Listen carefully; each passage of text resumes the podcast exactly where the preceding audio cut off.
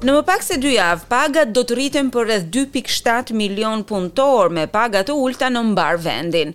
Lajmi vjen pasi Komisioni i të Drejtave të Punës vendosi që paga minimale në Australi të rritet me 5.2%, duke provuar edhe një herë pasojat që po sjell inflacioni për të gjithë vendin. Ndjekim raportin.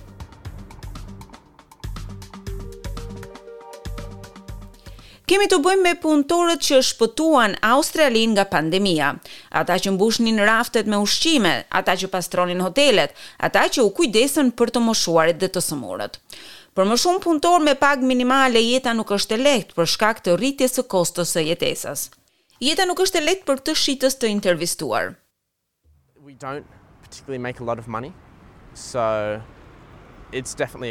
Ne nuk fitojmë shumë para, kështu që kjo rritje më jep sigurinë që më duhet. Tani e di që do ta kem disi më të lehtë. Do të jem në gjendje të përballoj gjërat e nevojshme.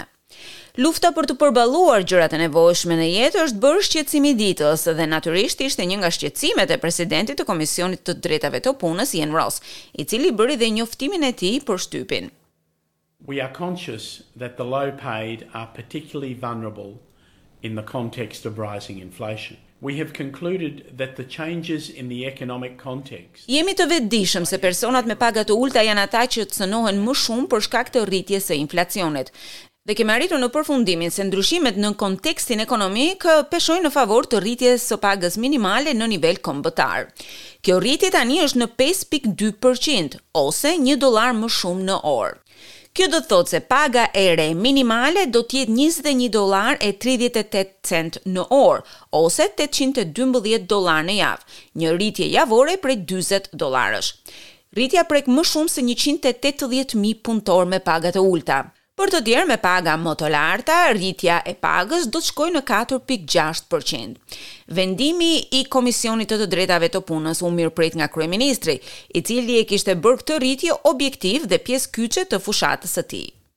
The truth is that many of those people who are on the minimum wage are the heroes who saw us through the pandemic. E vërteta është se shumë punëtorë që janë në pagën minimale janë heronjtë të cilët e shpëtuan Australinë nga pandemia. Këta punëtorë meritojnë më shumë se falënderime, ata meritojnë rritje pagash dhe sot e morën këtë. Miliona punëtorë me paga të ulta janë të varur nga çmimet që janë gjithnjë në rritje, rritja më e lartë që në vitin dy mijë e gjashtë. Këshilli Australian i Sindikatave ka kërkuar një rritje prej pesë pikë pesë për qind, megjithatë është i kënaqur me kompromisin. Ja si shprehet sekretarja e sindikatave, Sally McManus. We think it's going to make a significant difference to the pressures that low paid workers are under with cost of living rising and they absolutely deserve it. Mendojmë se rritja do të bëjë një ndryshim të rëndësishëm mbi presionin që kanë punëtorët me paga të ulëta rreth kostos së jetesës.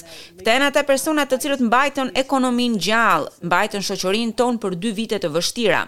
Ata meritojnë një rritje page që do të thotë se do të jenë në gjendje të përballojnë faturat dhe shpenzimet e jetesës. E ndërsa në përgjithësi sindikatat e mirëpritën vendimin, komisioni është akuzuar se ka lënë pas dore tregtinë. Michael Wright nga Sindikata e Elektricistëve thotë se punëtorët e tij do të përfitojnë vetëm dymbëdhjetë dollarë në orë. apprentices wages are still routinely pegged to the minimum rates found in awards and that's why this decision is such a hammer blow to their cost of living. Pagat e praktikanëve janë të lidhura me normat minimale të cilat gjenden në çmime. Kjo është arsyeja pse kjo rritje page është një goditje shumë e fortë për koston e tyre të jetesës.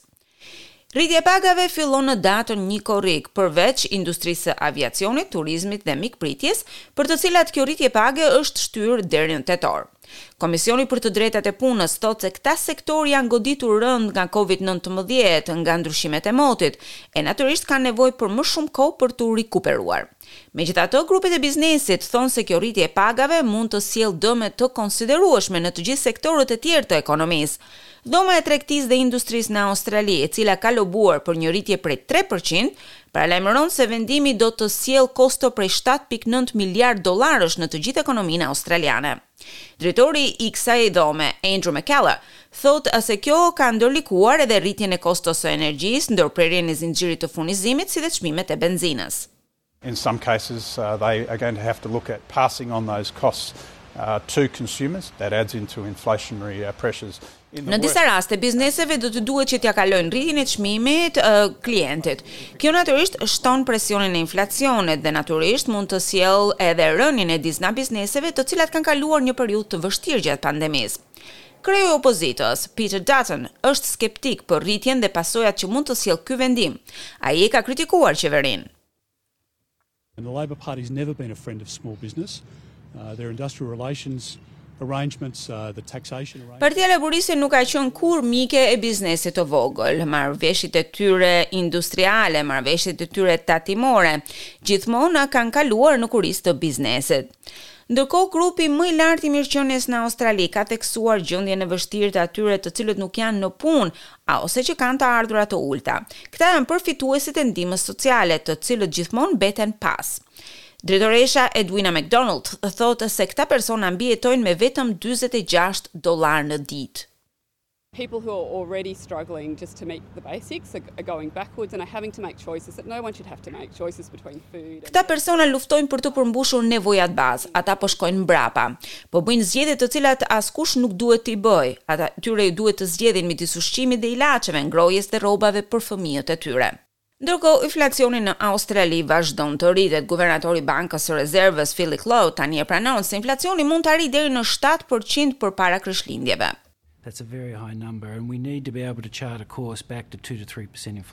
Është një shifër shumë e lartë, duhet të jemi në gjendje që të kalojmë në një inflacion deri në dy ose tre për qind, dhe jam i bindur se këtë mund ta bëjmë. Megjithatë, do të marrë kohë. E ndërkohë fatkeqësisht kostoja e jetesës vazhdon të rritet.